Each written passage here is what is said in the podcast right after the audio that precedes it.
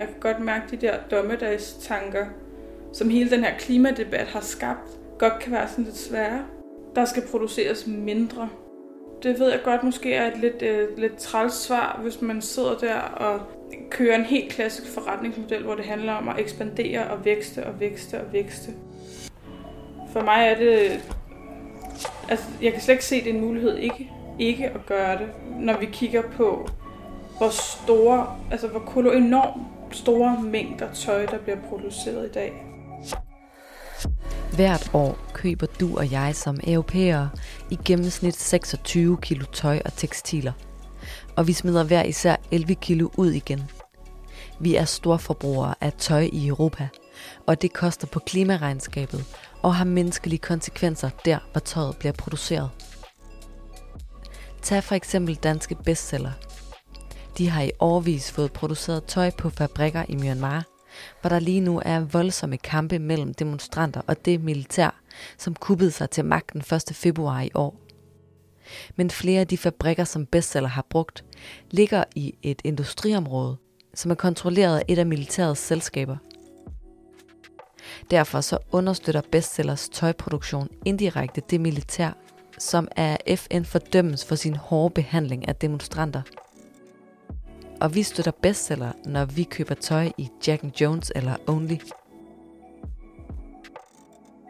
Det er bare et af mange eksempler på, hvordan mode- og tekstilbranchen er viklet ind i globale konflikter og problemstillinger.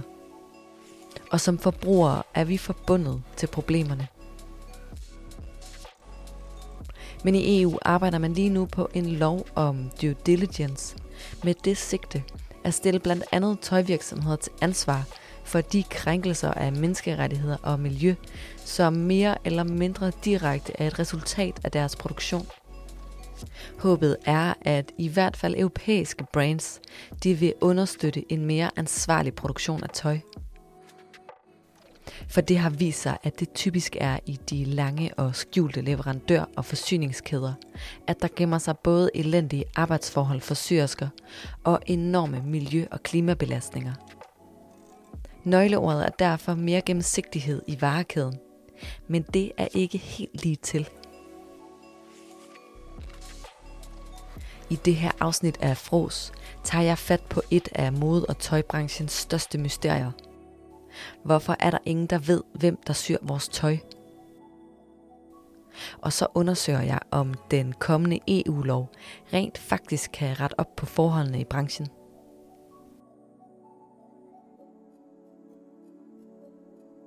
Først besøger jeg Julie Blikfeldt i hendes lyse lille stue på Østerbro for at tale om, hvordan modebranchens udvikling har påvirket produktionsforholdene.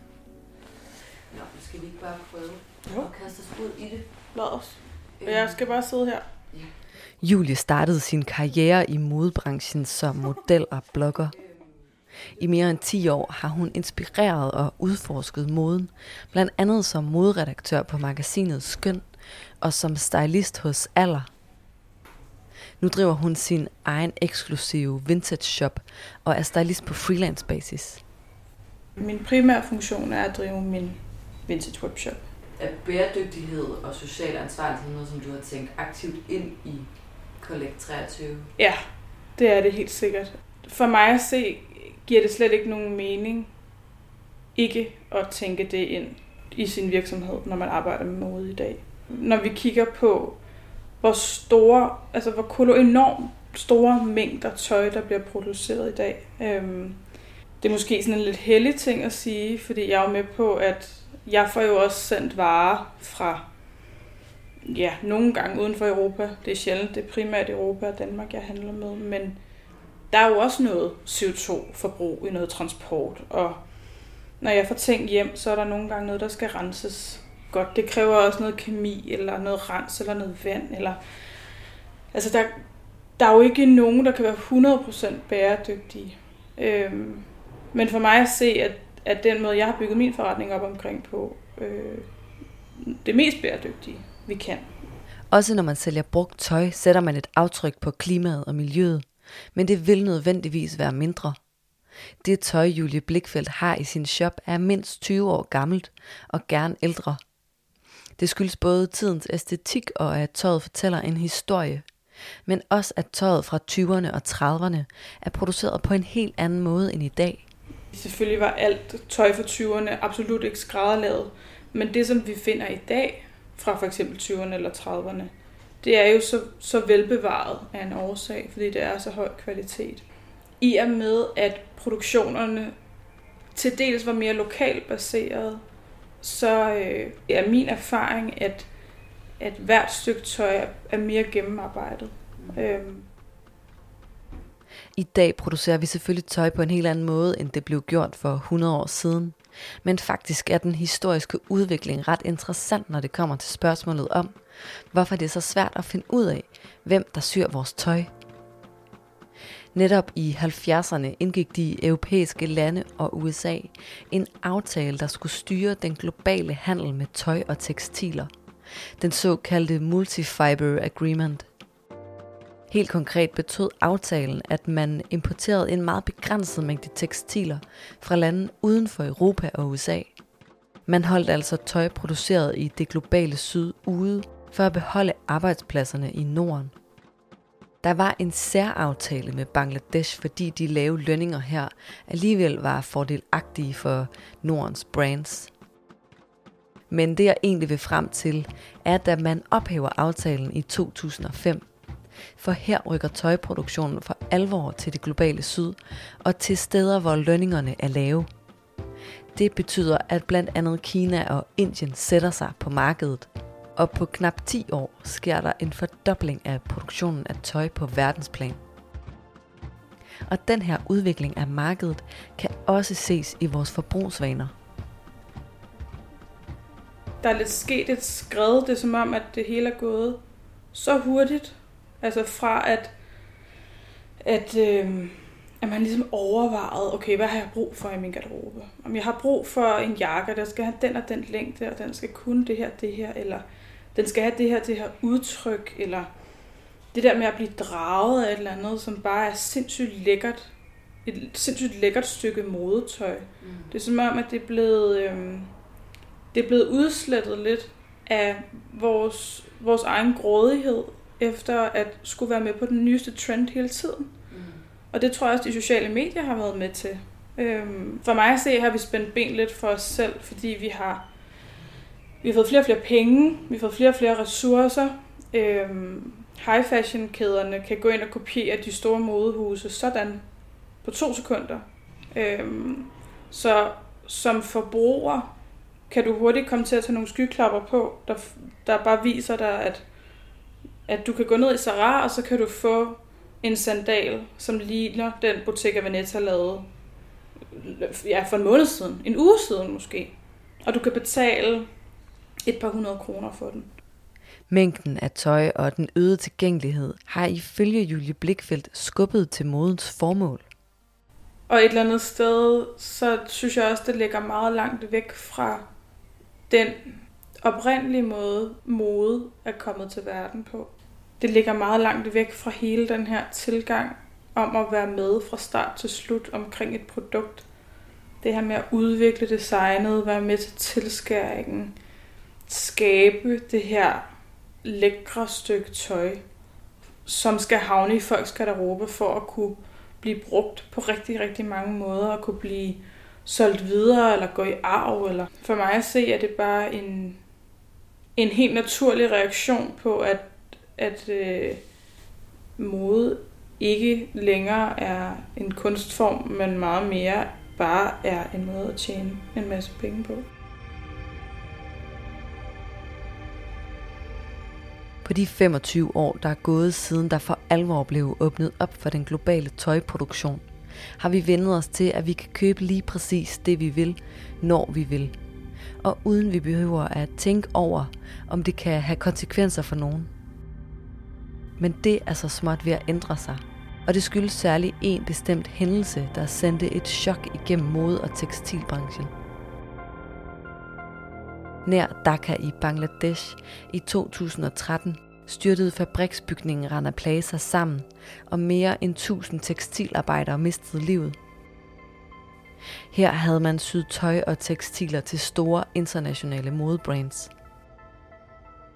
Med sammenstyrtningen blev det pludselig synligt, at de mennesker, der producerer vores tøj, rent udsagt sætter deres liv på spil. Siden da har mange NGO'er arbejdet for at gøre forholdene i den globale tøjproduktion mere synlige, og særligt med fokus på transparens i varekæder.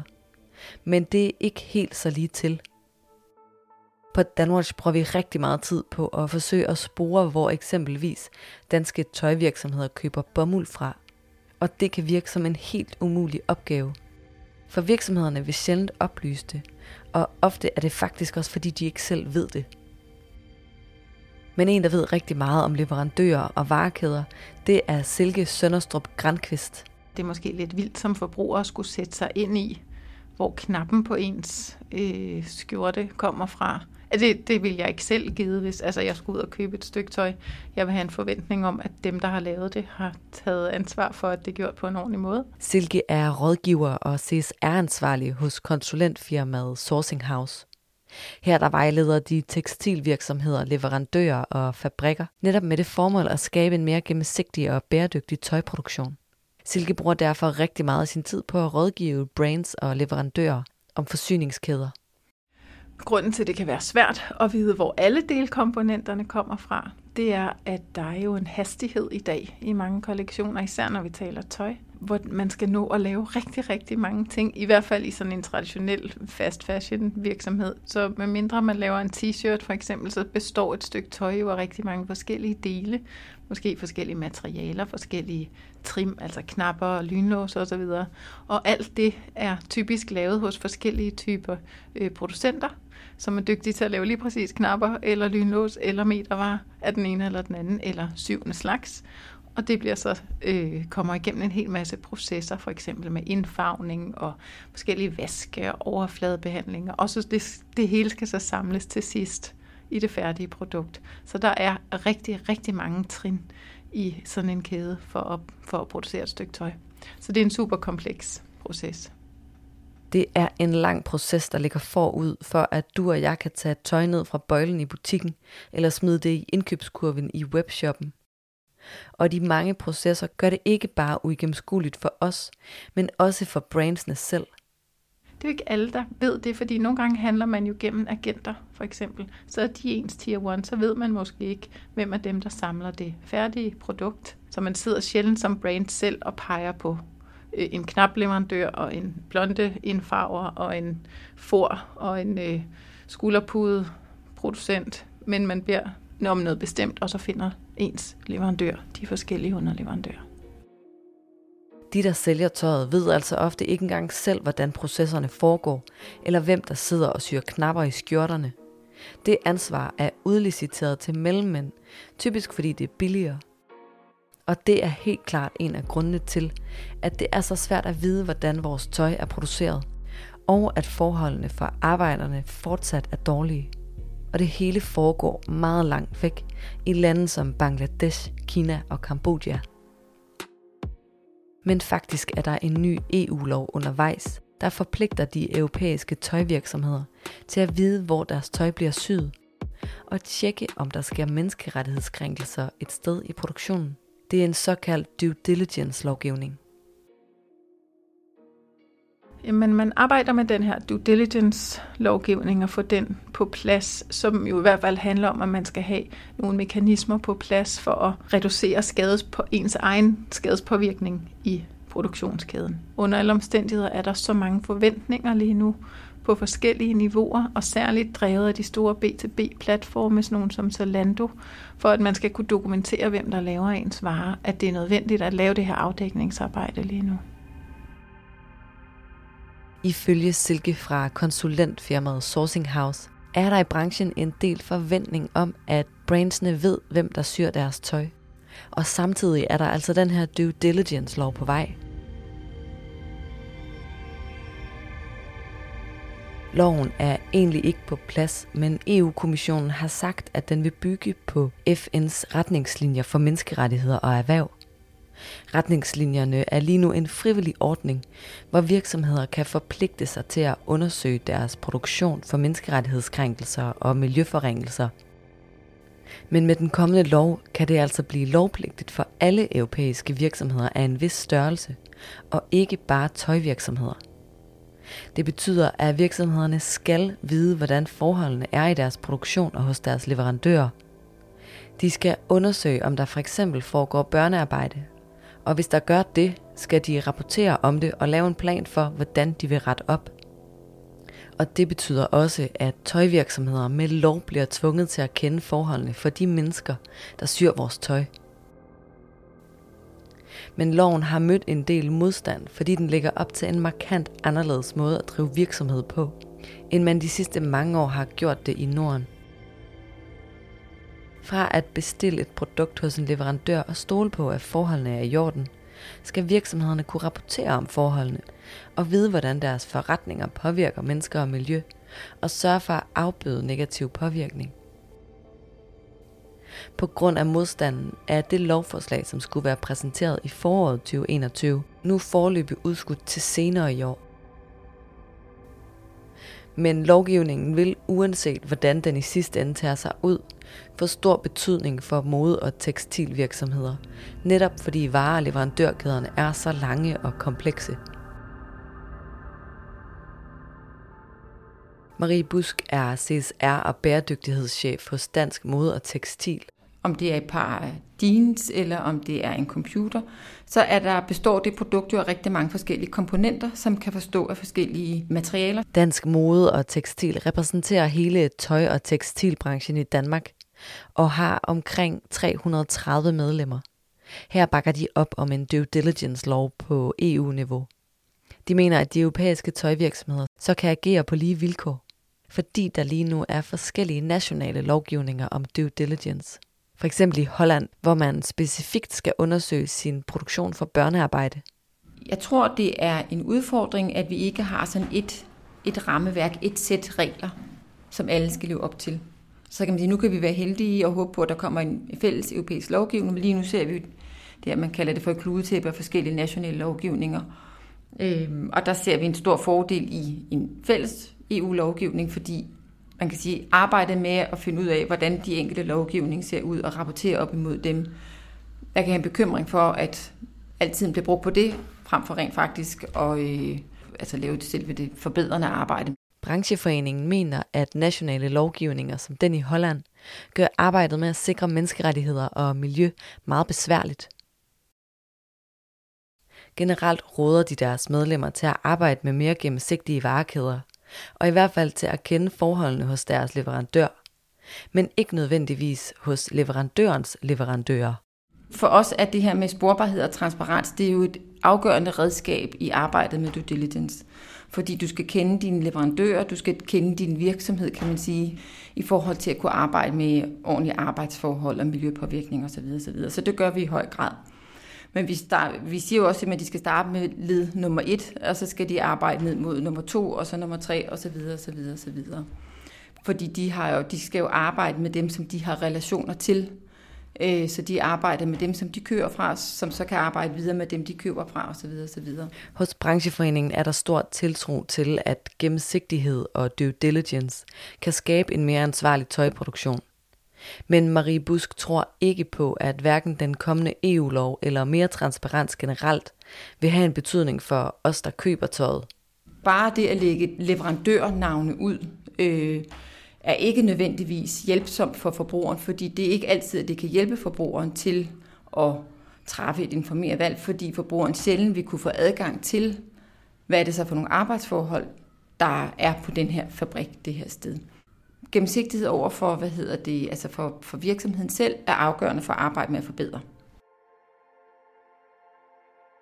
Ifølge Marie Busk skal transparensen primært bruges af de, der sælger tøjet, og til at sikre bedre arbejdsvilkår, og i mindre grad bruges til at fortælle os andre om, hvem der syr tøjet.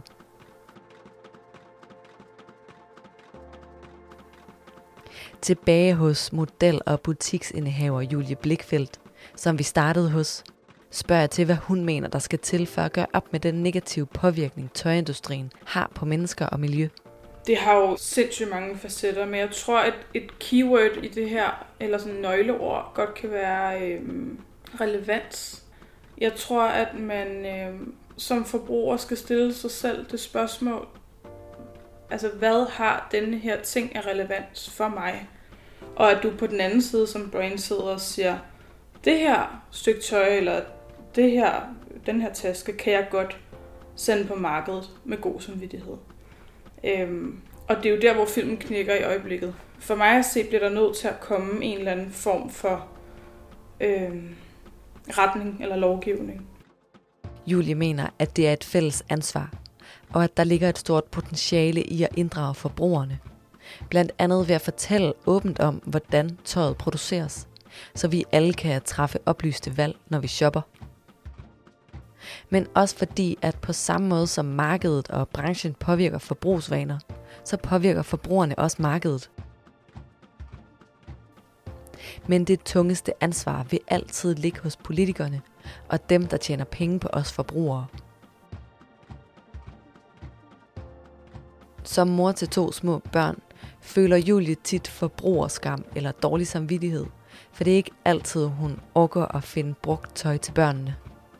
Jeg tror også at nogle gange, man, man kan have de der dage, som den lidt ældre generation nok har lidt oftere. Øh, den der sådan, nu har jeg fandme også bare tjent de her penge, så nu vil jeg også have lov til sådan og sådan. Den tror jeg, vi kender alle sammen. Og nogle gange så tror jeg også, presset kan blive så stort på alle fronter. Altså vi skal både affaldssortere, vi skal være veganer, og vi skal ikke flyve. Vi skal faktisk heller ikke køre benzinbiler. Vi må kun gå i brugt tøj. Vi skal nærmest, øh, altså, vi skal øh, bruge en bestemt shampoo. Altså sådan, du, altså du kan, ja, du kan snakke fra nu af og forever omkring, hvordan du bør leve dit liv. Og den har jeg været enormt fanget af selv. Det her med, at jeg har haft sindssygt dårlig samvittighed. Altså jeg kan huske, altså pludselig gik det op for mig mange blæer for eksempel. En babybror. altså sådan, øhm, har haft enormt dårlig samvittighed over det at tænke sådan, åh oh, nej, hvad skal der ske? Og kan man løse det her på en eller anden måde? Men, øh, men, men altså, der er jo nogle ting, der bare koster i mm. klimaregnskabet. Og der er noget, der også hedder convenience. Altså igen tilbage til sådan, ja, jeg har for nylig købt noget tøj til min søn hos H&M. Så køber jeg, og det ved, det ved jeg reelt set ikke, om det gør en forskel, men så køber jeg den der conscious linje, som jeg ved har noget med noget økologisk bomuld, men det er jo ikke, fordi den ikke bruger vand og alt muligt. Øhm, fordi, ja, han går i skovbørnehave, han bliver beskidt hurtigt, han vokser hurtigt. Jeg kunne simpelthen ikke overskue at sidde og scrolle den blå avis og reshop, og jeg ved ikke hvad igennem. Så det blev det, mm. fordi det var nemt. Så jeg gør det jo også. Øhm, jeg gør det ikke til mig selv. Eller jo, jeg køber undertøj. Nyt. Øhm, men men det er, det er med dårlig samvittighed. Det er det virkelig. Mm. Og det, det er jo både en... Det er jo et godt pejlemærke, men når man som mig er en øh, meget følsom og som vidtighedsfuld sjæl, kan det også godt blive sådan lidt for meget nogle gange, og jeg kan godt mærke de der dommedagstanker, som hele den her klimadebat har skabt, godt kan være sådan lidt svære at finde hoved og hale i. Jeg synes jo, det er enormt vigtigt, at man kommer ud med, med de her ting, og man prøver at belyse det på alle mulige forskellige måder, men for mig er det så vigtigt ikke at stå med en løftet pegefinger og sige, du skal gøre sådan her, sådan her, for jeg, jeg tror på, jeg håber, at dem omkring vores generation og de yngre, altså jeg er overbevist om, at de gør deres. Øhm, det håber jeg mm. virkelig.